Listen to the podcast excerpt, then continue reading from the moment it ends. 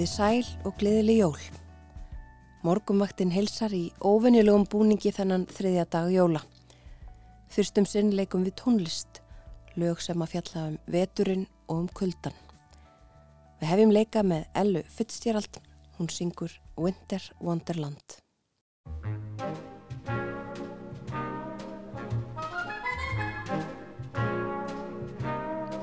Sleigh bells ring, are you listening? In the lane, snow is glistening. A beautiful sight, we're happy tonight, walking in a winter wonderland. Gone away is the bluebird, here to stay is a new bird. He sings a love song as we go along, walking in a winter wonderland. In the meadow, we can build a snowman, then pretend that he is Parson Brown. He'll say, Are you married? We'll say, No, ma'am. But you can do the job when you're in town. Later on, we'll conspire as we dream by the fire to face unafraid the plans that we made, walking in a winter wonderland. Are you listening? Snow is glistening, a beautiful sight. We're happy tonight, walking in a winter wonderland. In the meadow, we can build a snowman, then pretend that he is Parson Brown.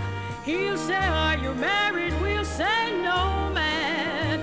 You can do the job when you're in town. Later on, we'll conspire as we dream by the fire to face unafraid the plans that we made walking in a winter wonderland.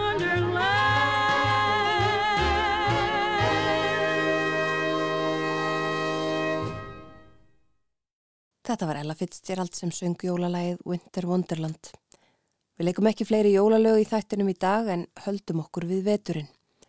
Hlustum næsta á lægið Vinter. Þetta eru þeir Ari Bræði Kárasson, Andrés Þór Gunnlaugsson, Birgir Steinn Theodorsson, Einar Skeving, Hilmar Jensson og Magnús Ranver Rapsson. Sá síðastnemdi samti og útsetti.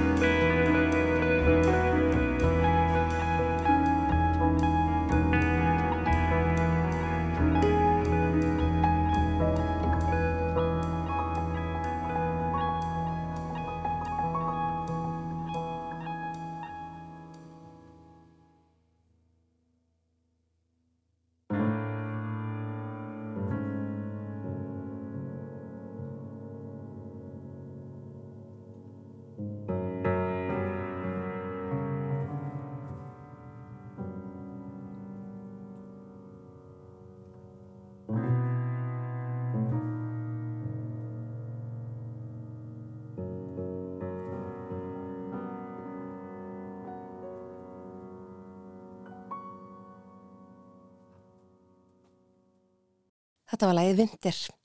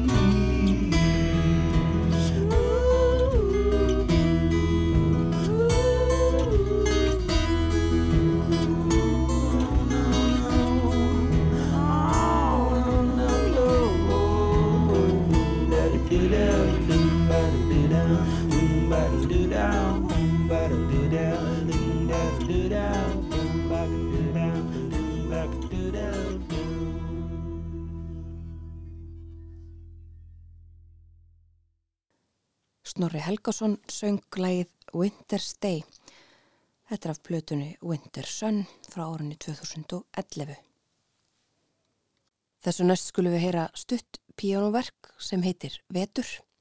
Það er eftir Gunnar Randversson og hann flytur það líka á píjónu.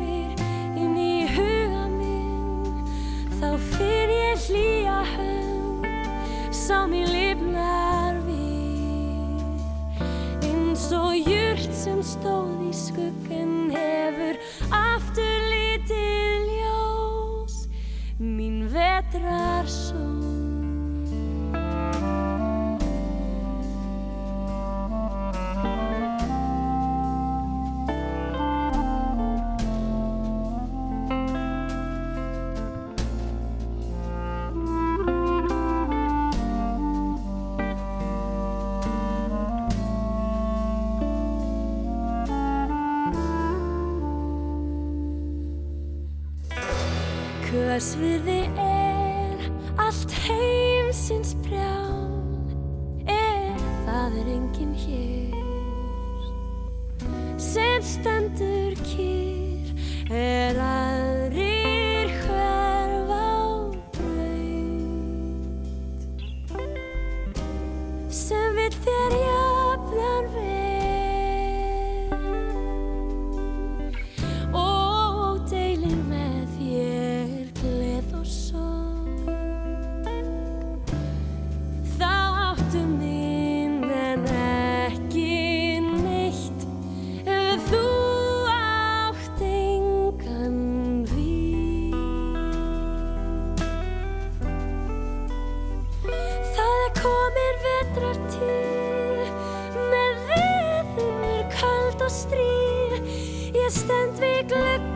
Fyrst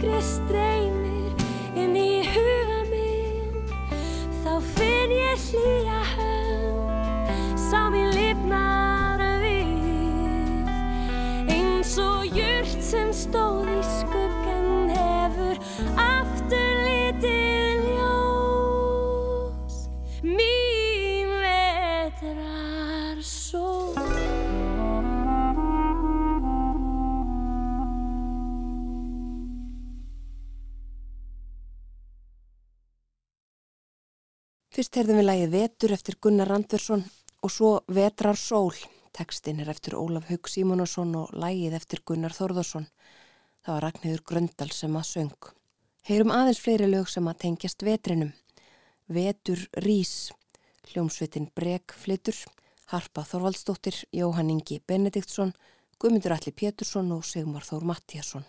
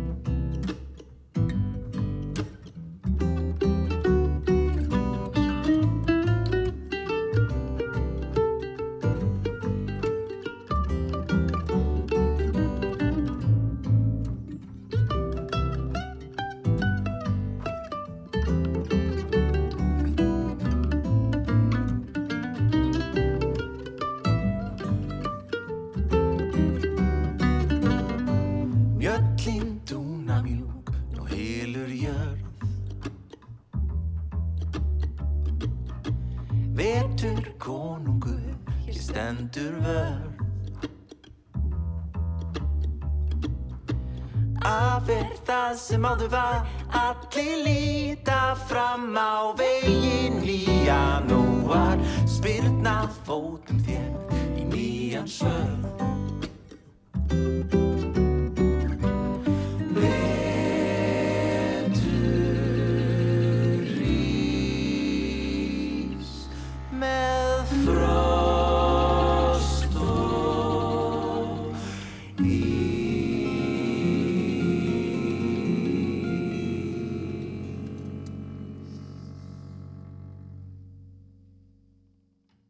Þetta var Vetur Rís með hljómsveitinni Brek, lag frá í fyrra.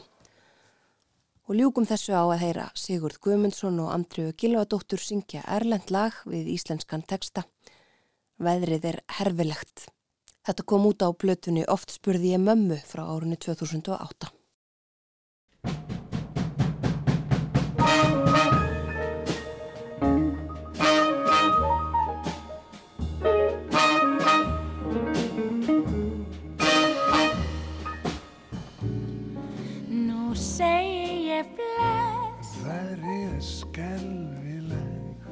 Ég neyðist til þess. Reynd út sagt herfileg. En kvöldið var ljúf Krabið er ökladý, Raunar frábær. Ég efast um að enn sé En nú þarf því samt að ljúka. Þar eru myndu fjúka. Veist ég þarf að koma mér heim Ég held þú væri til í smá geim. Þú veist ég verð að rjúka Hver á ég þá að En strjúka? kannski lítið sérri glas til Gætum líka gripið í spil. Nú geng ég á dýr. Sérð ekki handaskil. Hefði betur drifið mig fyrr. Þartu að standa í bygg. Klukkan er svo. Eldaði fyrir að skoti maður. Æ, ansi finnst mér það nú að. Ég má ekki vera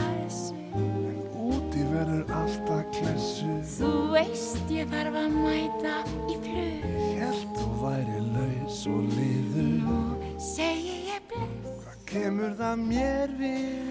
Veðrið er herfilegt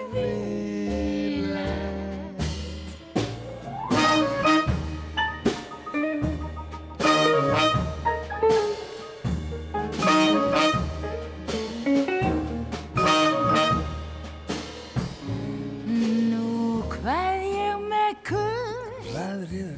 skelfilegt, Ég forða mér burt vægast sagt herfilegt. varst elsku við Hvað ertu að gera í skil? Mjög vatn við mig. Ég var rétt að byrja að texta En tíminn er frá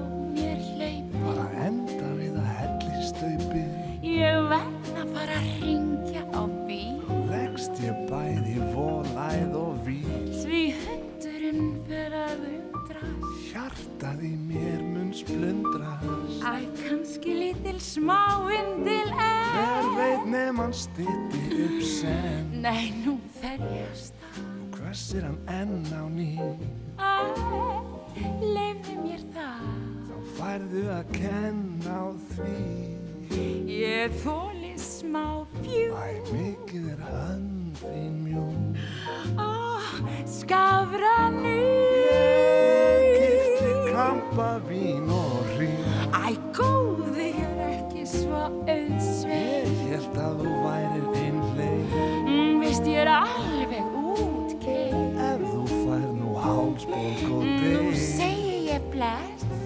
Æ, verð ekki erfið Verðið er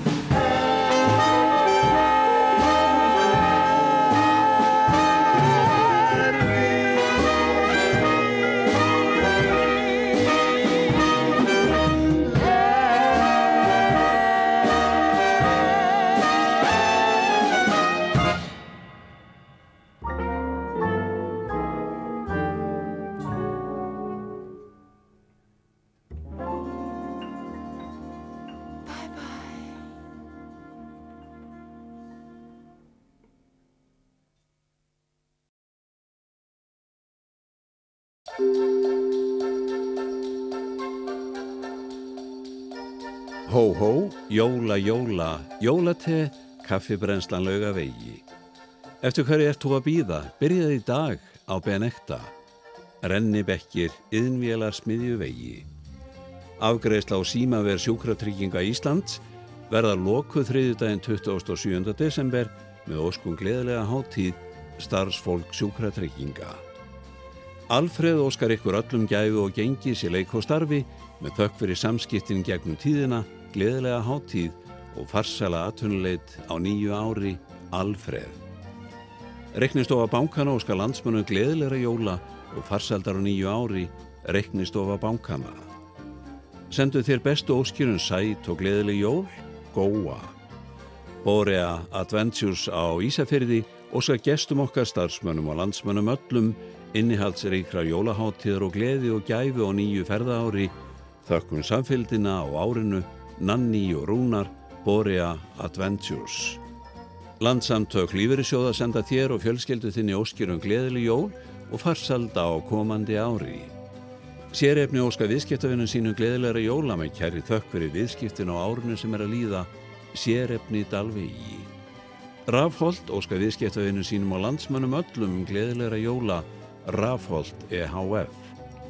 Stjörnuljós flugeldasala, síningin þín, byrjar hjá okkur, stjörnuljós.is.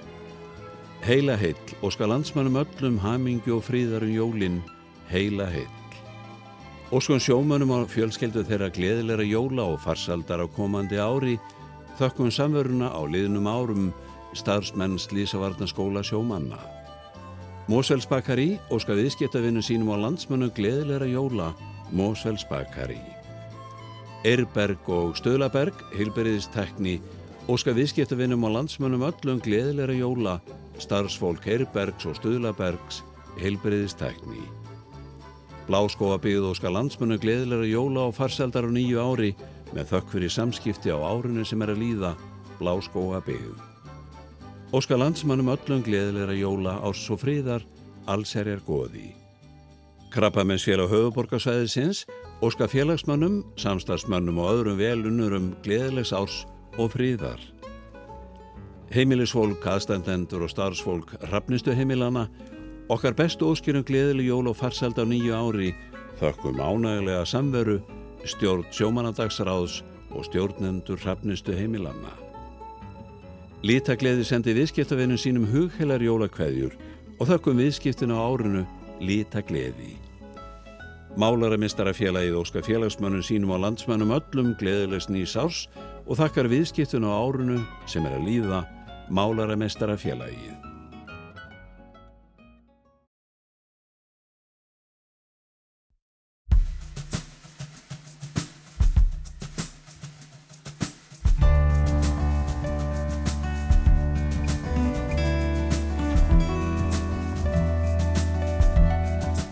Morgunvaktin heldur áfram með óvanalegu sniði í dag 27. desember. Á árinu sem er að líða voru 40 ár liðin frá því að bóðinir voru fram kvennalistar til borgarstjórnar í Reykjavík og bæjarstjórnar á Akureyri. Kristín Jónsdóttir og Kristín Ástgirsdóttir, sakfræðingar og kvennalistakonur rættu um stopnun kvennalistans við Sigriði Haldursdóttur í mars síðastliðnum. Hlustum á samtal þeirra. Í voru eru liðin 40 ár frá því að búðunir voru fram kvennalistar til borgarstjórnar í Reykjavík og bæjarstjórnar á Akureyri.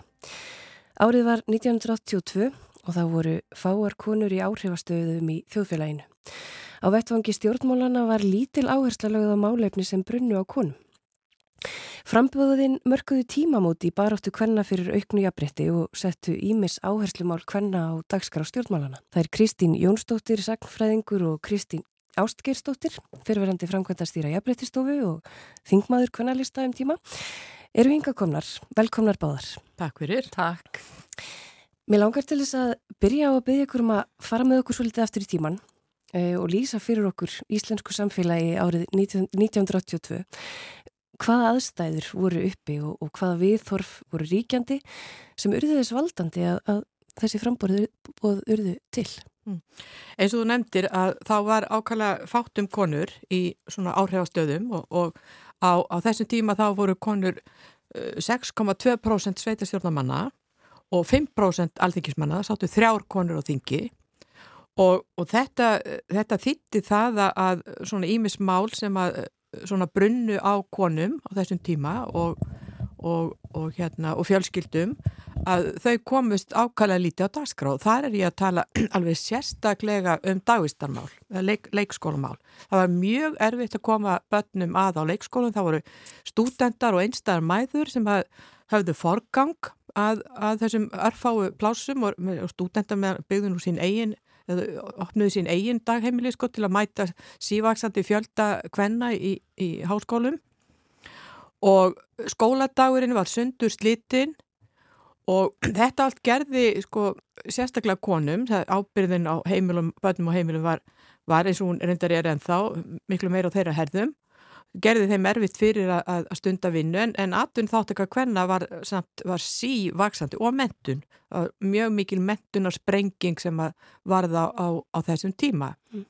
Konur komnar út í aðlunlífið en, ekki... en, en aðstæðunar mjög erfiðar fyrir svo utan launamunin sem var náttúrulega enn meiri þá heldur en hann er núna uh, bara svona hvenn fyrirlitning af ymsutægi en við meðum ekki gleyma því að baráttan hafði nú staðið sko alveg auðvitað heil lengi og, og náttúrulega með auðsokkarhefingunni 1970, kjöri Vigdísa 1980 þannig að þarna var bara allt innu komið mómentið sko, nú bara verður að gera eitthvað. Já, svo fyndu líka koni mjög mikið fyrir valdalesi síni þar voru nánast hverki sínilegar. Þær voru ekki í fjölmjölum, þær voru ekki það sem ráðum að ráði og þær vildi bara komast að hljónumannum mm. eins og kallarnir og þegar ég er að horfa á myndirna frá samningaborðinu, var rændi Úkrænu og sé ekki nefn að kalla, þá einst mér að vera komin til 1980 á Íslandi, þá var þetta svona. Já. Og þessum tíma var engin kona í ríkistjórn til þess? nei, engin kona í ríkistjórn, nei. Já. Og þarna var markmiðið að breyta þessum karlæga heimi. Já, að sko koma konum að hátölunum eins og Kristín eh, sagði, koma og koma semst, málefnum þeirra á, á dagskrá sem voru náttúrulega eh, sko, stefnusgrá hvernaframbóðsins, hún tók nú yfir heila, heila síðu sko í, í bladi sem við, sem við gáum út og við vorum auðvitað með, með stefnu hvað var það í svona öll helstu málefni borgarina þar með skipulasmál, skipulasmál eru heilmikið hvernamál, öryggismál, ofbelgja konum, þetta var allt komið þarna á, á, á dagskrá og jú þessu vildum við, við breyta með því að, að koma röttu hvenna að og auðvitað breyta gildismatinu. Og þegar það er gildismatinu þá er það ekki sísta að eitt af því sem kom fram í öllum stefnusgrám hvennaframbóðs hvennalista það var að hækka lámaslögn mm. og ástæðan fyrir því við vildum hækka lánmaslaun að því, það voru verkakonur. Láleina stjætt Íslands voru konur og með því að hækka lámaslaun og þau mynd, skildu ekki verið lægri heldur en framfæslukostnaður, þá varum við að hækka laun hvenna.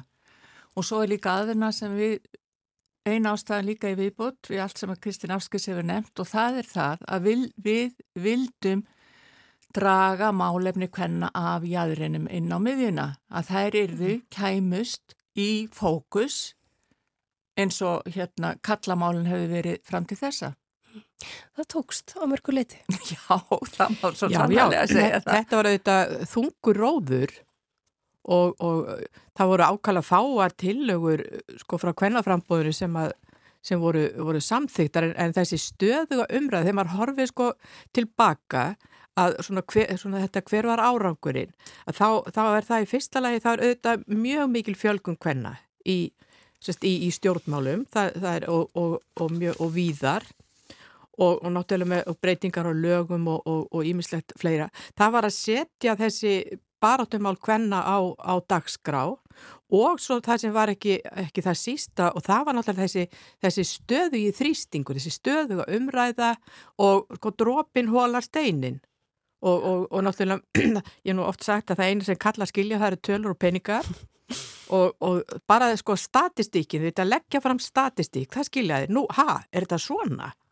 En, en, en, en þetta með statistíkina, þá man ég eftir því að þegar við vorum að byrja þá annastu engin tölfræði til nei, það sem konu voru með, þannig við vorum alltaf þegar kom eitthvað tölfræði, hvað segir þetta um konur? Er, akkur er konur ekki inn í þessari tölfræði? Þannig að það var rosalega margt að þessum tíma sem þurft að breyta og stöðugt að vera hamra á. Mm.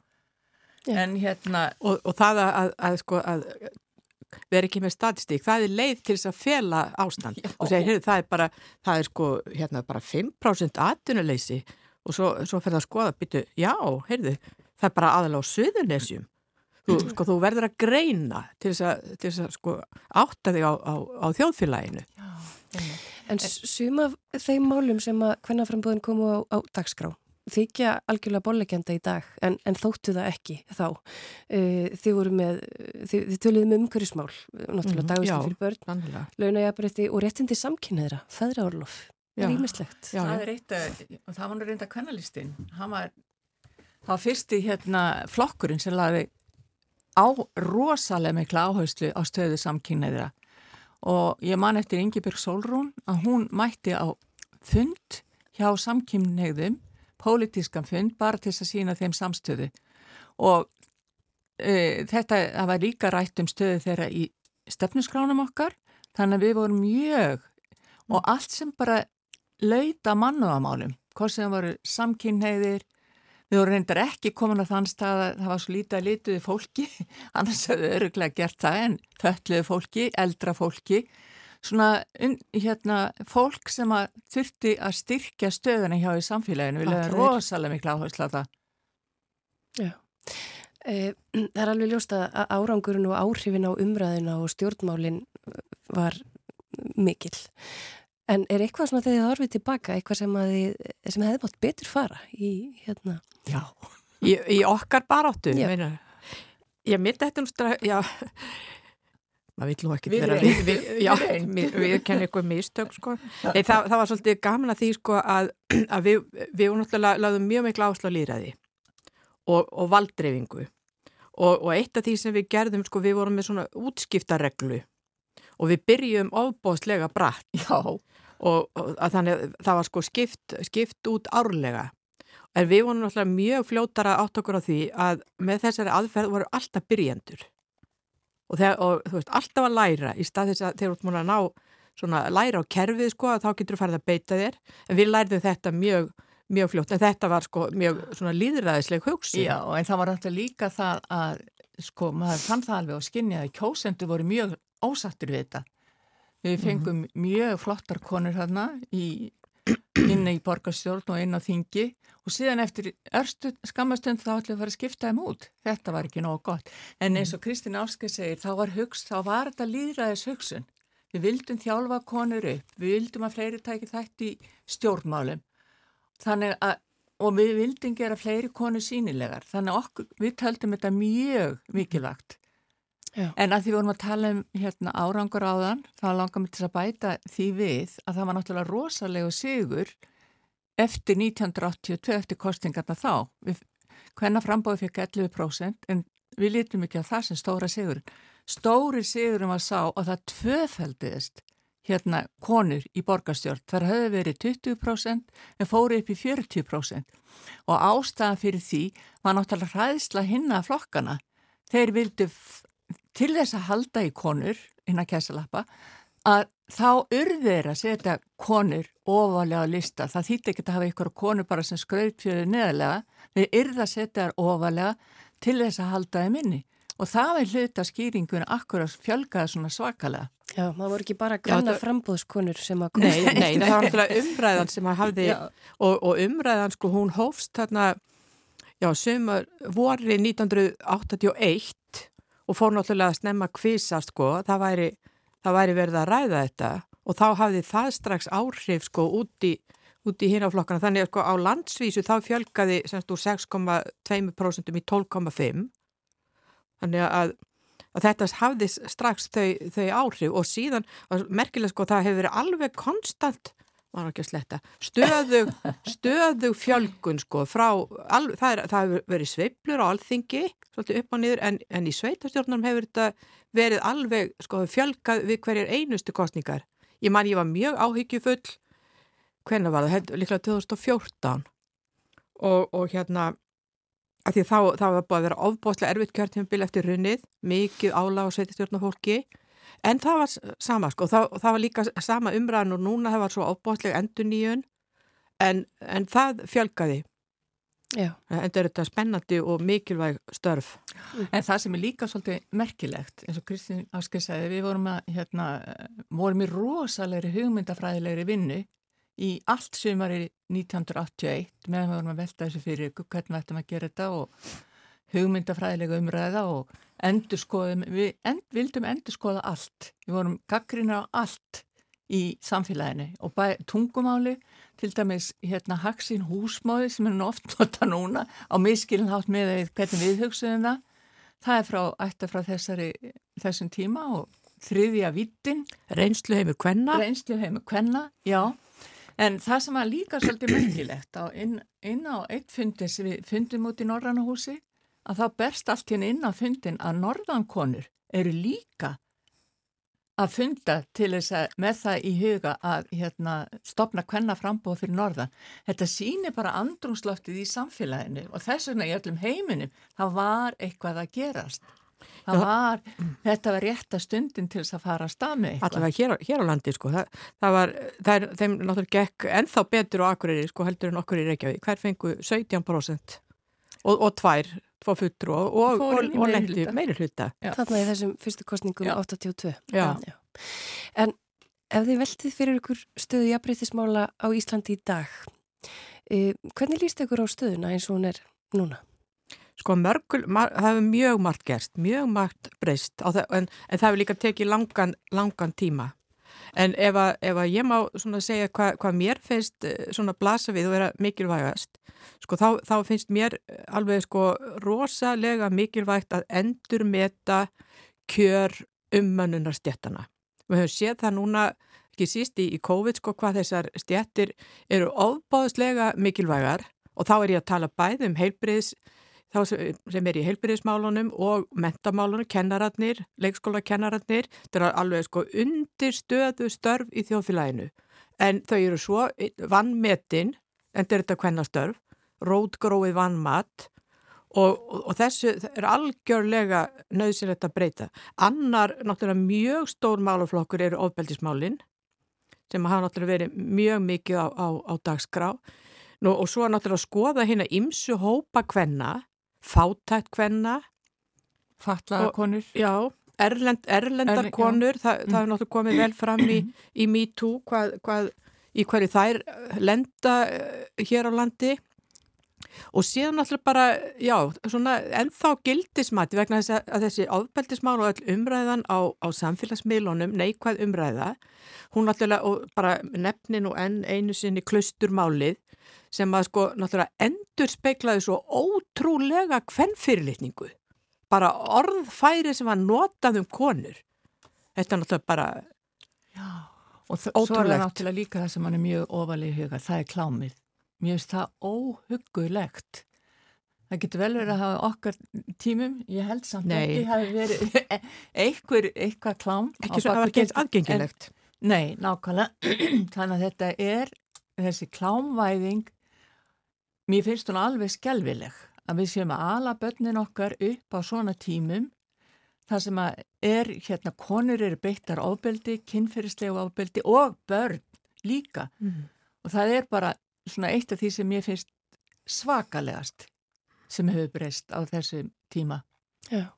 Og svo skulum nú ekki gleyma því að, að, að reyna að saminast sko fyrir friði í þessum heimi. Já, það var nú eitt af því sem við lögum alltaf rosalega mikla áherslu að það var já. friðarumræða og byggjaðum friðafræðslu og eitt af því sem að, hérna, við tölum um og það var varðandi hérna, kjarnorkuvapn við vorum algjörlega móti hernaðabandalögum og ég, við lístum yfir hérna, Reykjavík kjarnorkuvapnalösi ég held að Jóngnar hafi síðan tekið það upp Já, já, síðar. En þannig að Hrí, já, þannig að sem sagt, stríðsmál, hernaðabandalög, við vildum leggja þau af. Þetta var rosalega ofalega í... Ha, hernaðarhyggjan sem Já, að er já. svo ríkjandi Mhm. nálgast málinn sko með nefonum í, í stað þess að, að setjast niður og ræða að ræða málinn. Já, en þið ætlið þess að, að svona rifja upp söguna og, og, og já, hvað ætlið, hvað ætlið að gera á afmælisháttíðinni núna um, um helgina? Það, það verður fjallað um fortíð, nútíð og framtíð. já, það má segja það. Já, Það er komað þarna og tala fyrstu hvenna Guðrún borgarfulltrúarnir. Jóns og Ingibjörg Solrún. Það er eftir að tala þarna og það verður eitt af því sem við ætlum að gera, við ætlum að byrta myndir á öllum hvenna frambóðskonun sem hafa fallið frá og það er nú hvorki meirinni minna en 23 ár konur. Og undir því, þeirri myndasýningu þá ætlum við að syngja Dómar heimsins sem við köllum alltaf svona okkar þjóðulag. Það er það sem við hefum, syngjum alltaf við hátili tækifæri. Síðan er eitt, já Þorgir Reynas ætlar að mæta þarna og fyrirlesturinn henni heitir Feminismar, Feminismarnir og samtíminn. Erum við, erum við öll á sömu leið. En svo er eitt sem er rosalega áhugavert og það er það að þegar við fórum að ræða undirbúningin að þessu þá veltum við fyrir okkur hvað myndu konur gera í dag? Hver er baráttumál hvenna í dag? Þannig að einn dagskráliðurinn er akkurat þetta sem sagt hver eru baráttumálinn í dag? Hvað brennur nú á konum? Og þetta er þetta konur sem hafa verið mjög framalega umræðinu eins og Edda Falak, Ólöf Tara, Sara Ír, Ísabel Sonja Ír. Já, Sonja Ír, fyrirgeðið, þakka þér, Sólei Tómasdóttir og Ísabel Alexandra Díaz. Þannig að það verður mjög gaman að heyra hvað þær telja vera eða skipta mestu máli í dag. Mm. Já, e, það hefur mikið breyst á 40 árum en, en það er, er ymsir slægir eftir líklegast. E, við hefum setið hérna Kristín Jónsdóttir, Kristín Ástkistóttir og við hefum verið að rifja upp e, söguna 40 ár síðan að, kvennaframbúðin, búið fram í Reykjavík og Akureyri. Um, við ætlum að spila lag sem að er reyndar svolítið eldra en þetta frá árunni 1975 e, sem að margir þekkja e, og var einkennandi fyrir kvennréttinda baratuna á 8. áratug og, og, og lengur.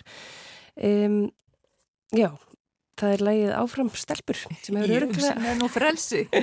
sem hefur örglega veitt ykkur innblástur á, á hérna erfiðum Svo stundum. sannarlega.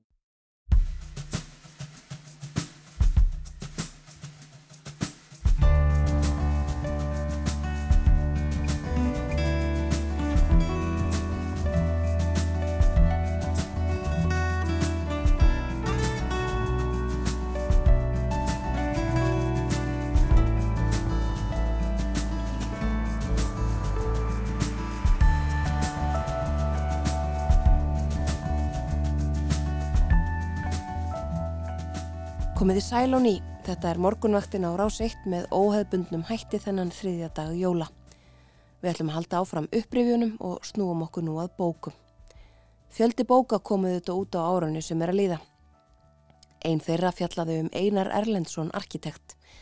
Einar teiknaði meðal annars Gamla bíó, Herkastalan, Esjuberg þar sem borgarbókasafni var lengi til húsa, hús Tórs Jensen við Fríkirkjuveg og skólabrú. Björn G. Björnsson ritaði bókina um Einar og hann kom á morgunvaktina og sagði okkur frá í sömar. Það þarf ekki að ganga lengi um miðborg Reykjavíkur áður en reykistur á hús sem að teikna var af Einari Erlendsinni. Hann átti farsalan og langan feril en er kannski ekki eins þekktur og sumir samtíma mennans. En um Einar er eh, komin út ný bók, húsamestari í hálfa öld, Einar í Erlind, Erlendsson og verk hans og það er Björn G. Björnsson sem skrifaði þessa bók, fór í þetta verkefni og hann er komin hinga til okkar á morgunvaktina. Vertu velkomin. Takk fyrir það.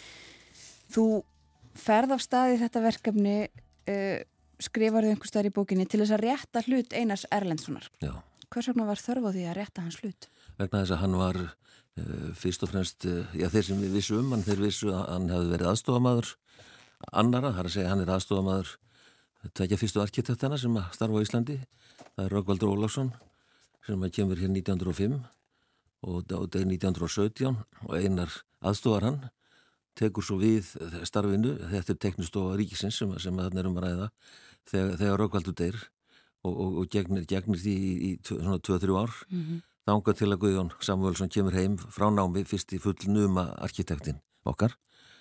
Og eh, einar verður aðstofamæður hans í 30 ár, allan tíman sem Guðjón starfar.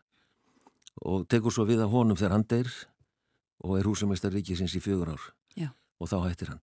En eh, sem sagt hann aðstofar þess að tvo fyrstu og menn segður svo ég hvað, var hann ekki bara aðstofamæður og hann er mikið minna þekktur heldur en þessir en húsin hans er, er, er þekkt og og uh, mjög gaman þess að draga hann svolítið fram í dagsljósið og, og bend, bend á þennan, þennan hæglóta mann, hann vildi aldrei láta tala um sig skrifa um sig. Það lifði lengi sko, hann, hann hérna fættur 1883 og hann deyr 1968 sko. Tveimur árum eftir að sjónvarpið hérna, verið í gang. Og þetta er löng starfsæfi hann er, hann er, hann er langlífur, hann er heilsuröstur og hann er hérna vinnusamur afkastamikill, Mm. en hann skilar miklu lífs, lífsverki og þá kannski fyrst og fremst bara á sín eigin teiknustofu heima í Já. skólastræti þar sem hann fættist og, bjó og dó og all, allt hans fólk átti heima. Já, já, þú segir, sko, sagan hans hefur ekki verið sögð áður og hann vildi ekki verið í viðtölum, vildi ekki láta uh, þá kannski mikið á sig bera en uh, áður við dempum okkur aðeins svona nánar í hann, hvernig fórst þú að fyrst að þetta var staðan, hvernig fórstu að og, og við að þeirra þeir heimildum um, um þennan mann? Sko það eru, það eru tvær leiðir, það er náttúrulega, uh, það er fátt um, um, um sko efni, efni, efni sem verið skrifað um hann, fræði, fræði greinar eða, eða, slíkt, fa, fa, fag sko greinar, en hins vegar þá eru náttúrulega allar húsatekningarnar til staðar, það eru allar í þjóðskjálasefni Íslands og, og maður bara fer þangað og byður um þetta hérna tekníkar Einars Ellenssonar þá, þá bara stinja þeir sko hann upp frá og fara svo að bera stórar möppur sko niður í, í lestrasal og, og maður fyrir að fletta og, og, og auðvitað eru til skrár sko yfir þetta, ég byrja á því að að byggjum það, það var það var hér hérna, byggingalistadeild starfrækt á kjálfastöðum fyrir, fyrir, einhverjum árum síðan sko, það er ekki til lengur. Og þau höfðu tekið saman skrá yfir. Tekníkar, eina Selinssonar tekníkar Guðjóns og svo framvegis. Og það fyrsta sem maður gerir þar að fá sér svona skrá sem eru fór fleiri, fleiri tögi blaðsina og svo að skoða tekníkan og tekníkarnar eru mjög traustar heimildir auðvitað sko og, og þær eru til Já. og svo bara fer maður öllum bæinn og, og finna þessu hús Já, akkurat, og tala við fólk og, Tala og svona. fólk, já. já. Já, það er eiginlega, hinn nálgunin, það er hver, hverjir eru afkomendur einars og hvaða fólk er það og ég kynnist ágætum, ágætu fólki sko, það eru barnabönn einars eh, og Sigríður Marja og Ágústa Marja, indislega sýstur sem að, að hérna, mun, mun eftir honum, sérstaklega Sigga Marja, hún man eftir honum, hún var 15 ára þegar hann dó sko og hann var svolítið, hún var svolítið upp, uppáhaldið hans, Já. áttu saman afmælistak og hún svona hafði stundum aðgang á honum þegar hann bara satt og var að tekna heima og, og það, það hann fæði bestu hum, heimildirnar um svona hvernig hann var í háttum og, og, og, þess áttar sko. Og uh, svo reynum bara að púsla þessu saman sko. Já, og uh, Sigriði Marja mitt uh, skrifar eða, já, já, smá minningu, smá minningu Já. um, um afasinn. já, Um, eins og þú segir, Einar uh, fættur 1883 og hann var trésmiður Já. og fór til Damerkur eins og já, Já. nánast allir sem já, já. í þessu fæði. sko, fadir hans var tresmiður og, og var með smiða vestæðið í, í, skólastræti í, í húsin, bakhúsinu þar einar lærið þetta hjá, lærið tresmið hjá honum fer svo út í Kaupanrafna tekur það svensprófið og heldur svo áfram að læra meira húsatekníku og svona. Kemur heim og fer að, hérna, að vinna og stofna fjölskyldu. Þá breytaði smiðavestæðinu í íbúðarhús. Og þar, þar flytur einar inn þar býr einar með, með, með sig og sína konu og sín börn og, og, og, og er með sína teknistofu. En svo í framhúsið sem er stóra húsið Kólastætti 5 sem er nær göttunni að þar var sýstir einas og hennar fjölskylda og, og, og þetta var svona stort eiginlega bara fjölskyldu óðal Já. á þessari torfu, þarna bygguðu þau öll sko Og hættir að smíða og fer að einbyttisræði að tekna. kannski held, helst þetta í hendur fyrst menn þetta var náttúrulega þannig að, að uppafi að, að sko, það, voru, það voru listfengir og, og, góðir smiðir sem teknuðu húsin sem þeir voru að byggja og þannig byrjuðu menn svolítið hann, hann, hann er byggingamistari og, og hann byggir og, og teknar en síðan auðvitað sko er hann bara komin á fullt sem bara sem arkitekt þó að það hafi ekki heitið það þá sko Akkurat. það breyttist 1939 að starfsheitinu var breytt Já. og þá fekk hann fulla sem sagt viðurkenningu sem arkitekt Emmitt. Sko, hann fyrir að aðstóða Röggvald eins og þú nefndir og, og um, þeir standa til að myndi stóru átaki í byggingu skólahús að gera ýmislegt merkilegt er ekki á stuttum tíma Já, og já. svo, uh, svo deyr Röggvaldur Já. og Einar tekur við. Já. En það er kannski ekki mikið um að vera á þeim árum sem að hann Nei, gegnir þessu bara- embati fyrst. Nei, 1917, 18, 19 þetta er bara fyrir emstyrjöldin í gangi og það er sko það er peningaleysi og, og, og erfitt með aðföng og allt það, Mm þannig að það er lítið tekna á þeim árum en, en svo kemur Guðjón og húsameistar embættið er stopnað og einar er ráðin aðstofmaður það tók að vísu ára að fá það í gegn og hann var sjálfur að skrifa ráðirannum að hann hefði nú hérna lofið sér að, að fá þetta starf og svona og, enda með þeir stóðu við það. Já. og þeir eru bara, hugsa, þeir eru bara tveir Guðjón og, og Einar.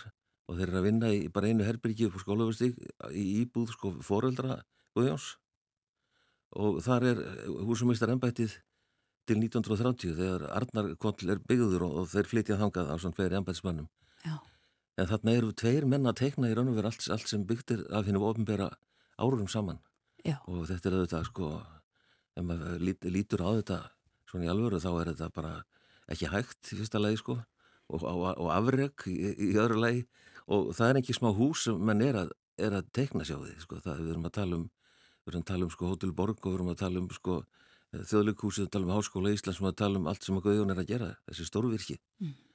Að, að þeir eru tveir að basla þarna Já. í 15 ára held ég og þá kemur næsti, þá kemur loksins arkitekt þriði maðurinn á, á stofuna sko Já, einmitt og þeir vinna þarna saman í tæp 30 ár Já. og svo einmitt eins og segir þriðji maðurinn en þeir vinna, eh, svo þú svo sem búin að nefna einhver leiti en þe- þetta er algjörlega einstakt er sem að þeir gera. Já, þetta kemur, þessi tími kemur aldrei eftir sko og teknistofan er kannski svo, svolítið sko svelt sko af mannskap og svona. Þetta er, þetta er það er ekki mikið látið í þetta sko menn áttar kannski á því hvað, hversu mikið vinna fer í að tekna stór hús og, og einar er sko lengi vel uh, fyrst og fremst skrifstofustjóri embætisins, hann sér um reikningana og bókaldið, vinnuskýslur útbóð, tilbóð, magnútreikninga og svo framvegis og, og hann, þetta sér hann allt um.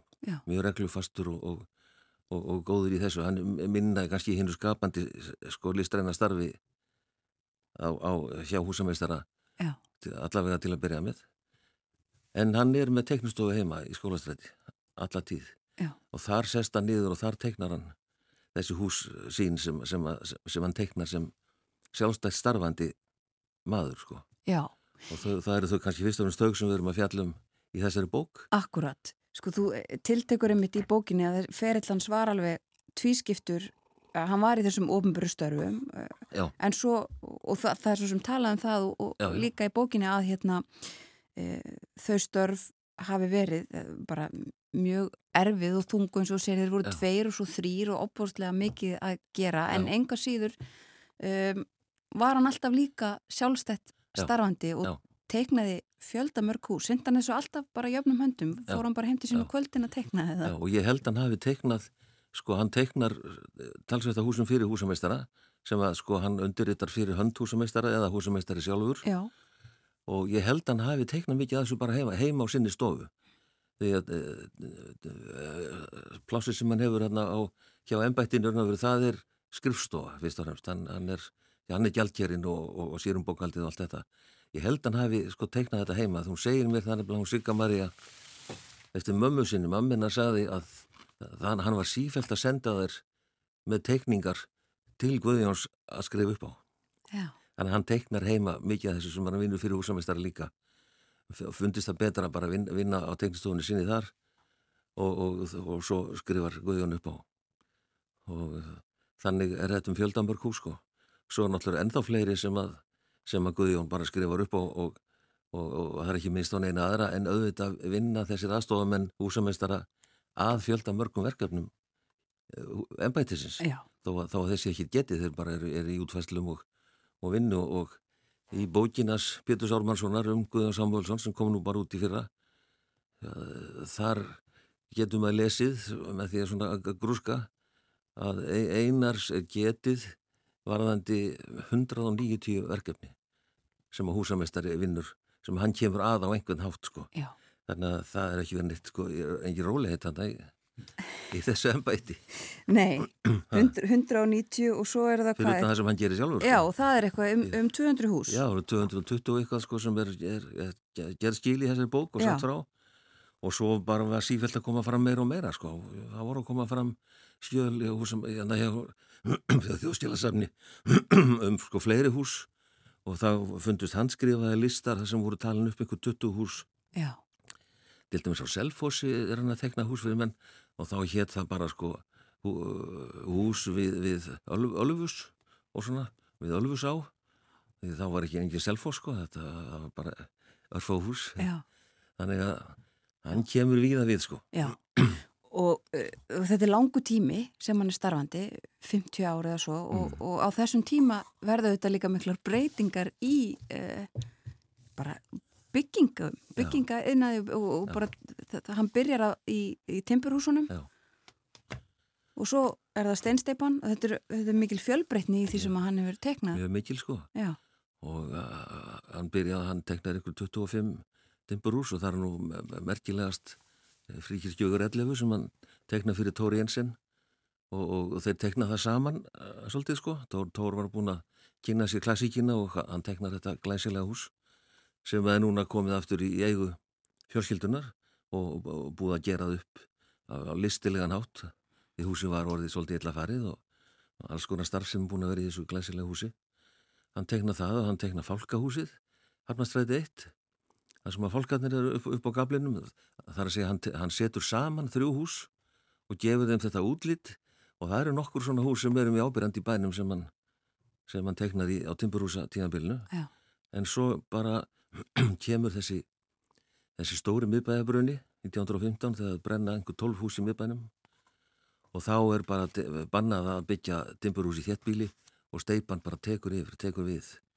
Og hann er fljótur að, að, hérna, hella sér í það líka sko og, uh, og svo bara er hún alls ráðandi sko eftir það Já, og uh, eru þetta þá líka með röggvaldi þarna í því að útfæra steinsteipuna og þetta fyrsta skeið steinsteipu bygginga og um, svo er hann að teikna í mörg mjög þekkt steinsteipu hús í Já. Reykjavík líka, Já. hús sem við þekkjum. já, já. Fyrst, með steinsteipuna fyrst eru er þetta kannski bara hús með stiftum veggjum en timburhúsa innan, mm Mhm. timburhúsa uppbyggingu og útliti? En smá saman þá þró, þróa menn þetta og finna út úr þessu efni. Þetta er svolítið vandarsamt sko og, og það sem er verið að vinna hér með steinsteipu á þessum árum 1915-20 þetta er eiginlega uppfinningastarf sko. Þeir eru að finna út úr hvernig er best að nota þetta efni. Það var að sko sko, hvernig er best að hafa mótin og hvernig er að blanda efnin og hvað með einangurinn á þessu og ímislegt sem að var heilmikil glíma í uppæg og svo ná menn bara tökum á þessu. Og svo, svo þróa reynar sinn, sinn stíl þannig að þegar komið er sko 1915-20 að þá er hann farin að teikna þessi klassísku hús. Já. þess að svona ný, ný klassík sem að sem að, að hérna, verður í raun og veru tíska. Og hann er að teikna þessa stóru steinstiftu villur sko, fyrir útgerða menn og kaupmenn og, kallana sem, sem eitthvað, átti eitthvað undir sér og voru að láta stekna fyrir sér falli hús. Akkurat. eins og sko, Solvallagötunni, ég held að hann teikni þar einhver 12-14 hús sko, bara meira og minna þessa klassísku lengju. Og það byrjar á, á því sem við þekkjum sem húsmæraskólan það er byggt sem einbílishús fyrir, fyrir, eitt kaupmann og hans fjölskyldu. Og hann er hengið smá smíð. Og svo komuðu hvert af öðru við hliðin á þetta er númið 12 húsmæraskólinn, svo er númið 14 það er núna ameríska sendiráði var að kaupa þetta sem sendi herra bústað á að fara að græja það. Og svo kemur eh, 16 það er ná tveimur turnum svo svolítið fallegt sko. Það, það er einn hérna góðum maður búin að, búin að hérna, kaupa og, og, og laga og svona heldur þetta áfram. Og þetta verður hérna, svolítið svona hans stærsta svona þetta tímabil er svona glæsilegt sko Já. hjá honum. Tekna þessi klassísku hús sem er reynum línum og svolítið klassísku klassísku ívaður svona sú, súlu höfðum og finnir í eins og Þingálstræti 29 sem að borgarbókasefni var. Akkurat. þetta eru bara litlar hallir sko. Já. Galtafell fyrir lögásög fyrir Pétur Tóstensson sem var útgerðamaður og Bildudal og, og fadir Muggs. Og þar var gert ráð fyrir lítilli vinnustofu fyrir Mugg svona upp á þakki sko sem að kom nú aldrei til raun og veru. En þetta eru, þetta eru fallegustu húsin í bænum sko þessi hús sem er að teikna í þessum stíl. Já. svona ka- kastala svona kastala ta takkar svona á veggjónum og hvítmáluð og flott Akkurat. Og hann er í þessu alltaf, já, meðfram um, og eins og þú nefndi líka áðan, sko, og hann vinnur með Guðjóni fyrir ríkið líka uh, og tekur við þegar að Guðjón uh, deyr Já. og svo þarf hann að hætta sökum aldurs, en Já. hann langaði ekki til að hætta að vinna það. Nei, það segja mér það, sýstunar, að, að eftir mömmu sinni og þeim að, að hann hafi kannski móðgast pínu lítið sko, hann var mjög vinnusamur, helsugóður og hann lifir í 14 ár sko eftir að honum er sagt upp sem húsameistara Já. vegna aldursregluna en uh, og, og svona langlífur og döglegur og hefði viljað vinna meira sko en hann bara hætti, hér og veru og menn voru að koma til hans og byggja hann að tekna það sagði hann bara ég er hættur Já. ég er hættur og verið svona svolítið kannski svolítið þrákálfur með það sko að ég vil ekki halda áfram Já. En sko þegar þarna á þessum síðust árum þá, þá er hann bara komin yfir í fungis að tekna fungishús bara eins og allir hinni strákanir sko.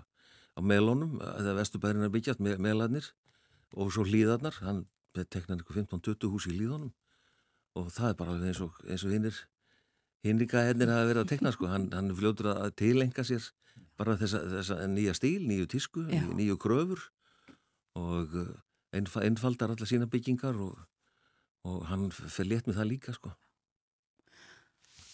Áttu uppáhaldsverk, uppáhaldsbyggingar. Já, það eru þessi hús þarna, það er, það er Galtafell, þingustætti 29 og þessi, þessi og náttúrulega gamla bíó, við höfum ekki sleppa því, ekki gleyma því.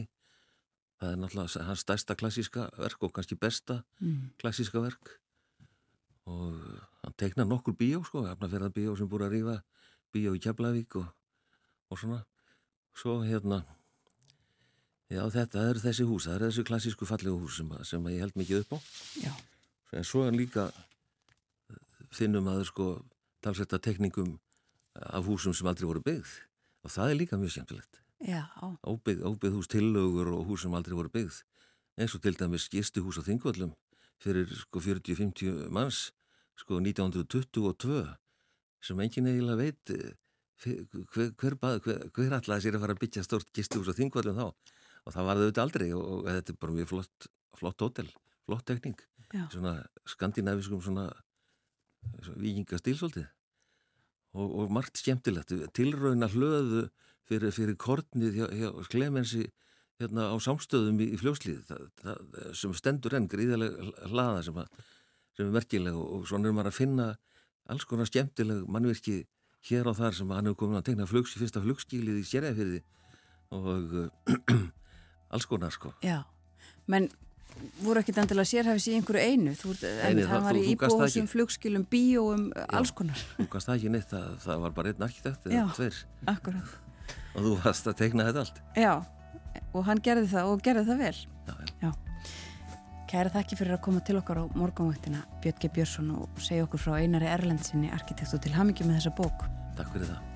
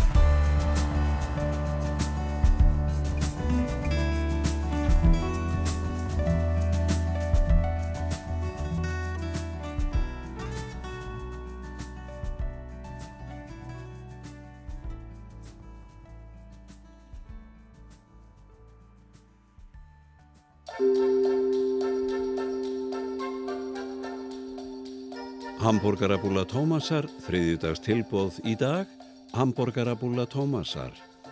Fulltingi slísa og skadabótamál, óskar umbjóðundum sínum og landsmönnum öllum gleðilegra jóla. Títus heilbreyðisförur sendi Þorðið Þorkelsinni lækni og öllu öðru heilbreyðisfólki okkar bestu óskir um gleðilega og kærleiksríka jólaháttíð. Þið eru öll lang best Títus heilbreyðisförur. Okkar bestu jóla og nýjáskveðir þökkum viðskiptinu á árunni sem er að líða Söður Take HF. Óskum viðskiptavinnum, starfsmönnum og landsmönnum gleðilegra jóla og farsaldara komandi ári með þökk fyrir samstarfið á árunni sem er að líða gatnaþjónustan Kjalalnesi. Rekstrarum sjón óska viðskiptavinnu sínum á landsmönnum gleðilegra jóla Rekstrarum sjón. Mótern sendir hátíðarkveðjur og þakkar viðskiptin á árunu Mótern. Garðaþjónusta Íslands sendi viðskiptaðurinn sínum og starfsfólki hugheilar hátíðarkveðjur Garðaþjónusta Íslands. Vesturöst sendir hátíðarkveðjur og þakkar viðskiptin á árunu Vesturöst sérvöru vestlum veiðimannsins. Verkalýsfélagi hlýf og skal félagsmönnum sínum gleðilegra jóla Verkalýsfélagi hlýf. SB skilt að gera í Þorlóksöfn og skal landsmönnum og viðskiptavinnum gleðilegra jóla og farsaldra komandi ári þakkum viðskiptun á árunni sem er að líða hverja starfsfólk SB skiltagerðar. Starfsfólk Hábergs óska viðskiptavinnum sínum og landsmönnum öllum gleðilegar hátíðar starfsfólk Hábergs. Vatnajökuls þjóðgarður óska landsmönnum öllum til sjávar og sveita gleðilegar hátíðar og farsaldar á komandi ári. Heyrnað þjónustan heyrn óska landsmönnum gleðilegar hátíðar heyrumst á nýju ári. Flóarheppur sendi bestu jóla á nýjás kveðjur með þökk fyrir liðin ár. Innrömmun Sigurjóns óska viðskiptaunum sínum á landsmönnum öllum gleðilegra jóla og farsaldar á komandi ári. Essat líferi sjóður sendir sjóðfélagum sínum sem á landsmönnum öllum jólakveðjur og óskýrum farsald á komandi ári starfsfólk SL líferi sjóðs. Hvenn réttindafélag Íslands óskar öllum gleðilegra jóla og þakka liðin ár áfram til móts við jafnrétti á nýju ári. Aldan stjættarfélag óskar félagsmönnu sínum og landsmönnu gleðilegra jóla og farsaldar á nýju ári. Suzuki á Íslandi óska viðskiptavinnum sínum á landsmönnum öllum gleðilegra jólaháttíðar og farsaldar á komandi ári. Við sendum öllum viðskiptavinnum okkar á landsmönnum bestu kveðjur og óskýrum gleðileg jól, starfsmenn fóður blöndunnar. Við óskan landsmönnum gleðilegra jóla og farsaldar á komandi ári membra jarðinu verktakar.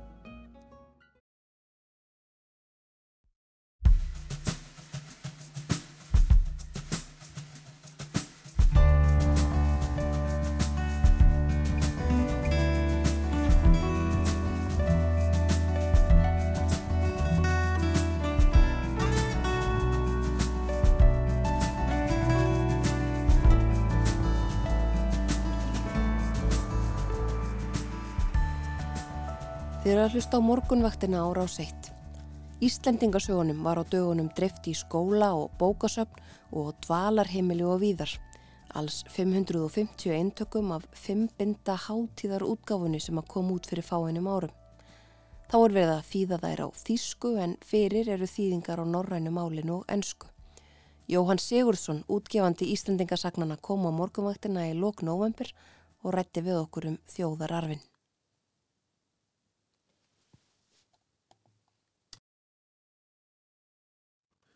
Það er talsvært fjallað um nýjar bækur í fjölumilum þessa dagana, eins og alltaf í aðdraganda jóla þegar útgáfu tíðin stendur hæst, en þær eru konar til ára sinna sögurnar sem við ætlum að tala um næstu mínútur, sjálfar Íslendinga sögurnar eru hér til umfjöldunar. Fyrir fjórum árum á 100 ára fullveldis afmæli þjóðurinnar kom út heildar útgáfa Íslendingasagnana og dögunum var ákveðið að þær skildu vera aðgengilegar í menta- og menningastofninum og á heilbriðistofninum um allt land og það var gert með sérstakri þjóðargjöf sem tilkynnt var um á degi íslenskrar tungu. Og hér er Jóhann Sigursson sem að gefur Íslendingasögurnar út. Hann hafði veg og vanda að heildar útgáfinni á sínum tíma og einnig að þýðingu Íslendingasagnana á tungur hinna Norðurlandana og líka á þýsku. Það er verið að þýða þær á þýsku. Velkomin í þáttinn. Já, takk fyrir. Já, þér verðist talsvært kapsmál að koma Íslendingasögunum sem víðast. Já, þetta er búið að vera nokkuð laung vegferð. Ég held ég sé búin að vinna við Íslingarsögur með einum öðrum hætti síðan 1986. Þar sem ég byrjaði á því að selja Íslingarsögur, fórum allt land og rætti við landsmenn um sögurnar og kynntist maður því hversu mikilvæg þar eru. Og uh, sérlega gaman að hlusta á menn sem höfðu ástriði fyrir sögunum þegar þeir letu ljósitt skína og töluðu fjálglega um sögurnar og hvaða svona, þeir höfðu metnað fyrir sínu svæði kannski, sögur sem gerðist í þeirri heimabegð þá var mjög gott fyrir sölumann sko að, að láta þann sem þú ætlar að reyna að kaupa þér bækunar fara að segja þér frá sögunum. Það var hansi gott sko. En þetta var eftir mér þetta var eiginlega allt til minn skóli í, í, í sögunum að hitta fólk út um allt þar sem þeir tjáði sem sögurnar af ástríðu oft. Já, og, og þannig kom þín ástríða til? Já, eiginlega var það þannig. Smátt og smátt þá svona gerðist þetta og, og um, ég sá fyrir mér að ég geti ekki alltaf farið upp í borgarfjörð að lesa eða selja ístingasögurnar eitthvað er það að taka við. Og þá fekk ég þessa hugmynd að kannski væri bara sniðut að gefa út ístingasögurnar á ennsku í fyrsta sena heimstungu í heldar útgáðu þá myndi maður kynna þessa bókmyndagrein í heilsinni fyrir ennskumælandi heimi. Og fór á stað í þá vegferð ásamt uh, kennara mínum frá laugum, Sigurði Viðari Simundsinni lagðum saman upp í þessa vegferð en hann reyndar vektist áður en að þessu laug þannig að þó kom í minn hlut ásamt hans fjölskyldu að, að sigla þessi í heila höfn. Síðan hefur þetta gengið í alveg ótrúlega vel. Við gerðum samstarfsanning við Penguin og í samstarfið þá hafa verið gefnar út nýju stakar bækur sem að Ördólu Tórsson er ítstýriði og uh, þær hafa margvalda útbreystu sagnana frá því sem að áður var. Og uh, nú nefna um 20, er umlega 20% ferðamanna Íslensk fordrit sem ein af ástæðanum fyrir því að þeir fá áhuga á því að heimsækja Ísland. Og það er alveg mögnuð staðreind sko. 20%? 20% rannsóknir staðfesta það að um 20% ferðamanna nefna sögurnar sem eina ástæðanum fyrir því að þeir fengu áhuga á að heimsækja landið og uh, þessar ennsku útgáfur uh, til bæði í, Bretlandssegjum og, og eins Já, bandaríkjum þær eru bara búin að vera í heimstreifingu í allan þennan tíma og þær kom út 1997 í sko snildar rítstjórn Viða Sveinssonar sem að mótaði það verk og þá var í fyrsta skipti höfð svo aðferð að, við, að þýðingat voru samrendar þannig að ákveðin orð eru þýtt eins í öllum sögunum því að ef eitthvað tögtak er ímest þýtt svona eða hinsegin þá kannski rugglar það lesandan en þá vorum með yfir 300 orð sem voru samræmt og með því móti mótaði viðar og hans rít nefnd svona vinnulag. Og eftir því var farið þegar að var farið í að þýða Norðurlandamálin. Þá hafðu við svona vegvísi sem hafði verið búin til með ennskútgáðunum og gafst afskaplega vel í Norrlandútgáðunum. Já, og uh, þær þýttar sem sagt á dönsku, norsku og sænsku? Já, Já. kom út sama daginn, allar í einu í 2014. Það hefur verið stór og merkilegu dagur. Það var stór og merkilegu dagur og við vorum náttúrulega gladir að við fengum þjóðhauðingar Norðurlanda til þess að skrifa heiðursformáli í útgáðunar og þar sagði Margaret Danadrottni til dæmis að hún vonaðist til þess að að sögurnar eriðu myndu hérna að danski lesendur muni kynast stögunum eins og hún var svo gæfu sem að gera. Og hvati til þess að þannig læsu sögurnar. Og tók undir það að þær eru hafa haft sitt að segja um sjálfsmynd Norðurlanda. Og það er ekkit smá þegar maður fær þjóðfengar Norðurlanda til þess að segja það að sögurnar okkar hafi staðið undir sjálfsmynd sjálfsmynd þessari þjóða einhverju, einhverju leiti Og hafa þess helst vel í Norrænu ríkinum? alveg mjög vel það er í Danmörku eru þær búin að seljast í yfir 5.000 eintök sem sagt heldarútgáfan og síðan gerðum við samstagsanningu Gullindal og þeir gaf út sex stakar útgáfur Rítstótt Annette Lassen sem var Rítstóri dönsk útgáfunar og kynnti þetta gríðarlegum áhuga og, og krafti þær fóru víða um Danmörku hún og Sofí Gróbúl leikona og hún las upp og Annette talaði fyrir þessu fræðilega af skörungskap og, og það hafði þetta sitt að segja sko. Svo, svo fóru við, gerðum við fleira til að reyna að kynna þetta með svona sérstökum hætti. E, ég fekk Þóraðin Eldjátt til þess að yrkja drápur, til þess að flytja þjóðhauðungin með vildi taka mót okkur í því skyni. Og e, Marg, við byrjuðum í Danmarku, Margret sem sagt tók við okkar um mikill elsku semmi og Þóraðin flytti inn í drápu og þá var þetta í fréttum í Danmarku bara klukkun sem að fresti allan daginn. Og uh, skipti miklu máli, gríðaleg kynning og þegar við komum heim úr þessari fræðar för þá byggðu bara 300 okkar pantanir í tölvunni, það var eftirminnilegt og svo hjælt það áfram næstu vikvöldan á mánuðin og þærsta selst alltaf jæmt og þett þessar, þessar bækur sko. Já. Og uh, Þýskaland næst?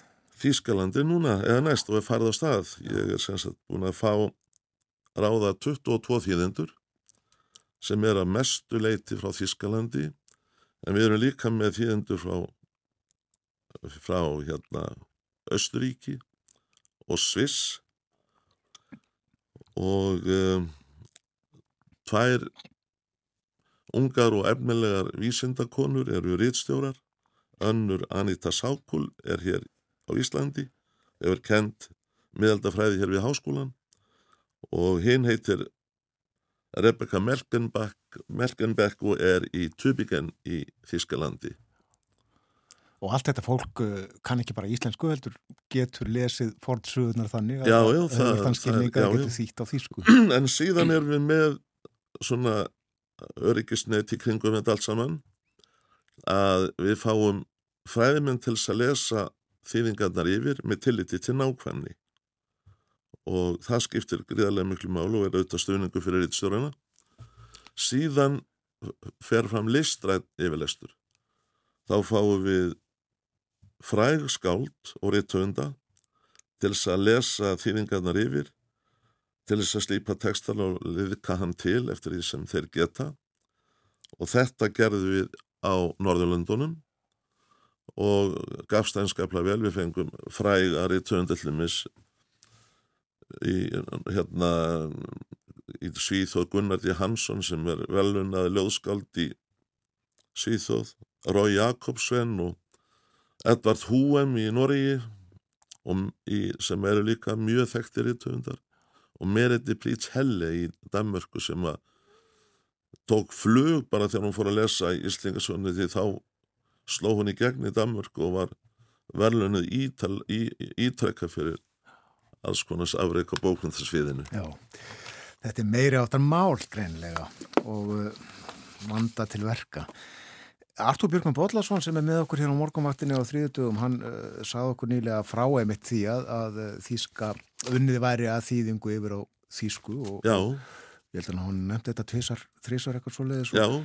sagði meðal annars frá viðtali að umfjöllun um því í þýsku blaði heilmikil umfjöllun og vakti aðtekli að bóndasónur úr þingaðarsíslu stæði þessu mikla verkefni Já, það, það kom þarna uh, ágættur maður sem er reyndur blaðamaður hjá þessu blaði og var ljúfur og skemmtilegur og áhuga samrið með þetta og uh, já, hann svona aðeins rækta mér gattinnar og byrti þetta á F-síðu og eins í prenthær útgáfu. Og uh, hann spáir því að þegar að þýðingarnir koma, koma út að þá munir við fá mikla umfjöldun í Þískaland um þetta. Og sem að náttúrulega maður vonar að maður nái að vekja aðtegli Þískra á þessum með sama hætti og við höfum tekist með ennsku mælendi heiminn og Norðurlund. Já. Áhugi á uh, Íslandi og öllu sem Íslandst eru þetta mikill í Þýskalandi. Já, hann er það mjög mikill. Hvenær koma uh, bækurnar út þar fortsögnar? Við erum svona stefnum á hösti 24 ef allt gengur. Já. En ef að þetta þarf meiri tíma, ekki má fara að flýta sér í yfirleisturinn og hamast, það þýðir ekki. Þetta verður að taka sinn tíma þá flytjum við þetta bara aftur til 2025. Já, það er ekkert mál. Það er ekkert mál, nei. Jú, þetta er svo lítið mál en þetta verður að vera alveg þrælvel gert. Já, einhverju mánuði til og þú djöflast ekki með þjóðararfin og, og hristir hann af svona í tímarhekki. Nei, akkurat. Komst með hérna á blaði umsagnir nokkur að skálda, stór skálda um Íslandingarsögurnar. Já, og það er hérna, það er nefnilega þannig að eiginlega allir hér rítöfundar og, og andansjöfrar veraldar sem þekkja sögurnar eru tilbúnar að, að gefa þeim sín dýrustu orð og, og svona í tilefni að því að nú er ný liðin dagur íslenska tungu og við erum að hugsa mikið um varveislu tungunar þá lítið snúa á íslensku nokkrum umsögnum frægra skálda hvað er segja um sögurnar Já. Ég ætla að lesa hérna til dæmis það sem að, að uh, Milan Kundera tekkin. gaman, það verður gaman, takk Við munum aldrei átt okkur til fulls á þeirri staðrind að fyrsta mikla sapnið af stórbrotnum lausamálsverkum á evróskri þjóðtungu var sprottið af snilli örsmárar þjóðar, kannski þeirrar minnstu í Evrópu. Þó tróður Íslandingasagna sé óumdildur hefðu bókmyndaleg áhrif þeirra orðið miklu meiri væru þar samdar á tungu stórþjóðar. Þá hefðu við litið á sögurna sem undanfara eða jafnvel undir stöðu evrópsku skáldsögunar. Já. Karen Blixen sagði, fyrir mig er stórfengleiki Íslandingasagnana einhver æðsti heimur sem ég hef kynst. Og svo er það uh, Kurt Vonnegut. Já, Hann sagði, enska þýðingin er frábærlega aðgengileg þessum nútíma lesenda. Nú fyrst ger ég mér fulla grein fyrir því hvað ég sem sögumadur á þeim stóra skuldagjalda þessum íslensku höfundum aftan úr öldum. Skál. já. Hann er töffari. Nokkur dæmi. Já. Er þú vel lesin? Er þetta fletta í þér? Nei, ég get nú ekki sagt það. Nei. Ég las þessar sögur sem strákur dálítið og auðvitað hef ég lesið þær núna samhliða því að vera sífælt að vinna með þetta. Og átti mínar uppáhaldssögur sko. Ég til mér var afskaplega hrifin af urðarketti eins og að stundu kallaði fimmbúasögur amma því að hún gerist svo mikið þarna í ljósaðsreppnum að hluta til og í flatjardalnum og hann var á ferðinni þarna á, mínu æsku, á mínum æsku stöðum þá tengdi maður svona meira við það fyrir svo utan það að hann er ógnar kappi Já. ekki vantaði það nú Nei, en þetta er einmitt svona og hefur komið kannski í ljós einmitt uh, þarna þegar þú fóst fóst uh, um landið og seldir Já. sögurnar að að fólk á sínar sögur og þá Já. helst að þeir uh, séu þá Já, þeim slóðum. Já, þær, þær eru oft í sérstöku uppáhaldi þegar þær tengjast þeim stöðum á landinu þar sem að menn búa Já. Og menn hafa þá, já, leggja dálita áherslu á það og þá hefur þetta þekka þeir oft þessar sögur og það skilji vel, hef, hef vel að sömu tilfinningu eftir að ég lagði sérstakann, að lagði sérst, fekk sérstakann áhuga á fimmboga sögu. Áttar þig uh, á uh, áhuga uh, unga fólksins á fortsjónum? Hefur það áhuga? sko, það hefur einhvern veginn fjarað undan því því miður.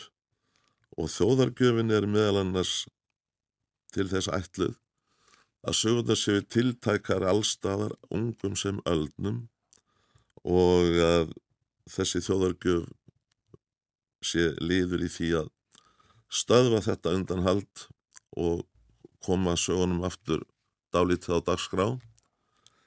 Það er hérna þegar maður talar um unga fólkið og ef maður fær bara aðeins tíma til þess að segja þeim frá sögunum þá vantar ekkert að það kveiknar áhugi og maður sé brosa á andliti og allt það og, og gefa sér tíma finnst þetta bara stórmerkilegt en einhvern veginn þurfum við að ná til þeirra með og sá sem að kann leiðina til þess er náttúrulega höfu snillingur ég vil að hann gefi sér fram Já. En er, er leiðin að unga fólkinu ekki í gegnum símana? Jú, það er nefnilega málið sko. Ég hef verið að hugsa um að núna þegar að textanir eru allir komnir og bækvöldur eru ínálegur öllum landsmönnum nánast hvar sem þeir eru einhvern nefi til að leita eftir bókakosti þá þyrft að fylgja þessu eftir og að þessi nýja útgáfa fari á netið og allt ítarefnið, orðskýringarnar og vísnarskýringarnar og allt sé tiltækt. Þannig að ef það er þeirra að kenna þetta í skólum eða annað þá geti ungviðið farið í síman sinn og upp lokið þessum arfi eins og þeim sýnist á alla kanta og e, já, ég það- það er eiginlega svona mín hugsin að stopp ekki þannig við heldur að þetta fari líka á netið allir textarnir. Já, það er þá kannski næsta stóra mál. Já, eiginlega. Já. En aðeins að þessari þjóðagjöf, uh, hún var nú ekki hrist fram úr erminni. Nei. Þetta kostar sitt. Já, já, já, já. Sko, við leituðum til margra íslenskara fyrirtækja og stofnana og 22 fyrirtæki síndu svona skilning og samfélagslega ábyrð og töldu nöðsynlegt núna þegar við fögnum aldaramæli fullveldisins að uh, sögurnar séu tiltakar öllum og þetta voru þetta heilmikið vinna og margar heimsóknir að kynna þetta fyrir fulltrúum fyrirtækja. En þetta tóst með þeim ágætum að þessi mikla gjöf er orðin staðrind og er núna á leiðinni út um allt land. Í, í hérna fallir í gjafapakningu og, og þessi útgáð er geysi vönduð sko, það var lagt mikið í hana Og þetta eru eins og við nefndum uh, hér í upphafi skólanir og, og bókasöfnuð þetta og Já. hjúkrunarheimili, dvalarheimili. almennis bókasöfn, meðferðarheimili. Og bara, já, þetta er, þetta er hérna skólar að öllu tægi, grunnskólar, mentaskólar, háskólar. Og almennis bókasöfnin, dvalarheimilin, sjúkrahúsin, meðferðarheimilin, menningarsettur, Og þetta eru fimm bindi, er það ekki? jú, Já, þannig að það geta fimm lesið í einu. að geta fimm lýsið innu. Ennska lárviðaskáldi Ted Hughes sagði Íslandingasögur eru eitt af undrum heimsbókmentana, stórfenglegt, mannlegt afreg. Við sjáum núna hversu stór hluti að vestrætni hefð raunsæðislegra frásagnar bókmenta á upphafsitt í þeim. En við sjáum líka næstu sjö aldirnar ólu ekki af sér neitt verk sem er jafn tímalust og sígilt, ekkert sem hefur til að bera svo óviðjafnalega beinskeitt veruleikaskinn ekkert jafn hófstilt og þaul prófað af djúpri alvöru lífsins. Já, er Hvert orð valið gumgefilega. já, algjörlega, Já. já, orðsnillingar sem eru þarna að ferðinni, að leina sér ekki. Þetta var um Íslandikasögurnar, uh, útgáfuna, heldar útgáfuna, þjóðargjöfina, þýðingarnar á Norðurlandamálin, ennsku á sínum tíma og uh, þá sem að unnið er að á þýsku. Kæra þakki fyrir að koma þinga á morgunvaktina. Takk kærlega fyrir sömuleiðis. Jóhann Sigursson, útgefandi Íslandingasagnana.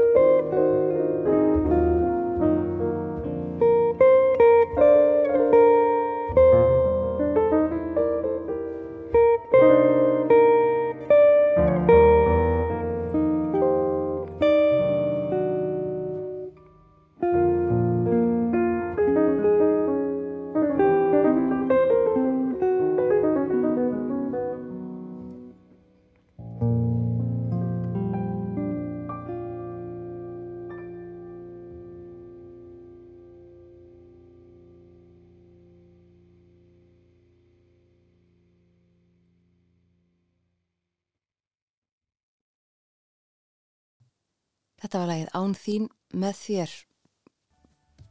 Bræðurnir Jónas og Jón Múli átnasinnir eiga það. Þetta var í flutningi Agnars Mórs Magnússonar og Andrisar Þórs Gunnlaugssonar af plötunni Aldarfar sem þeir gaf út fyrir skömmu til heiðurs Jóni Múla.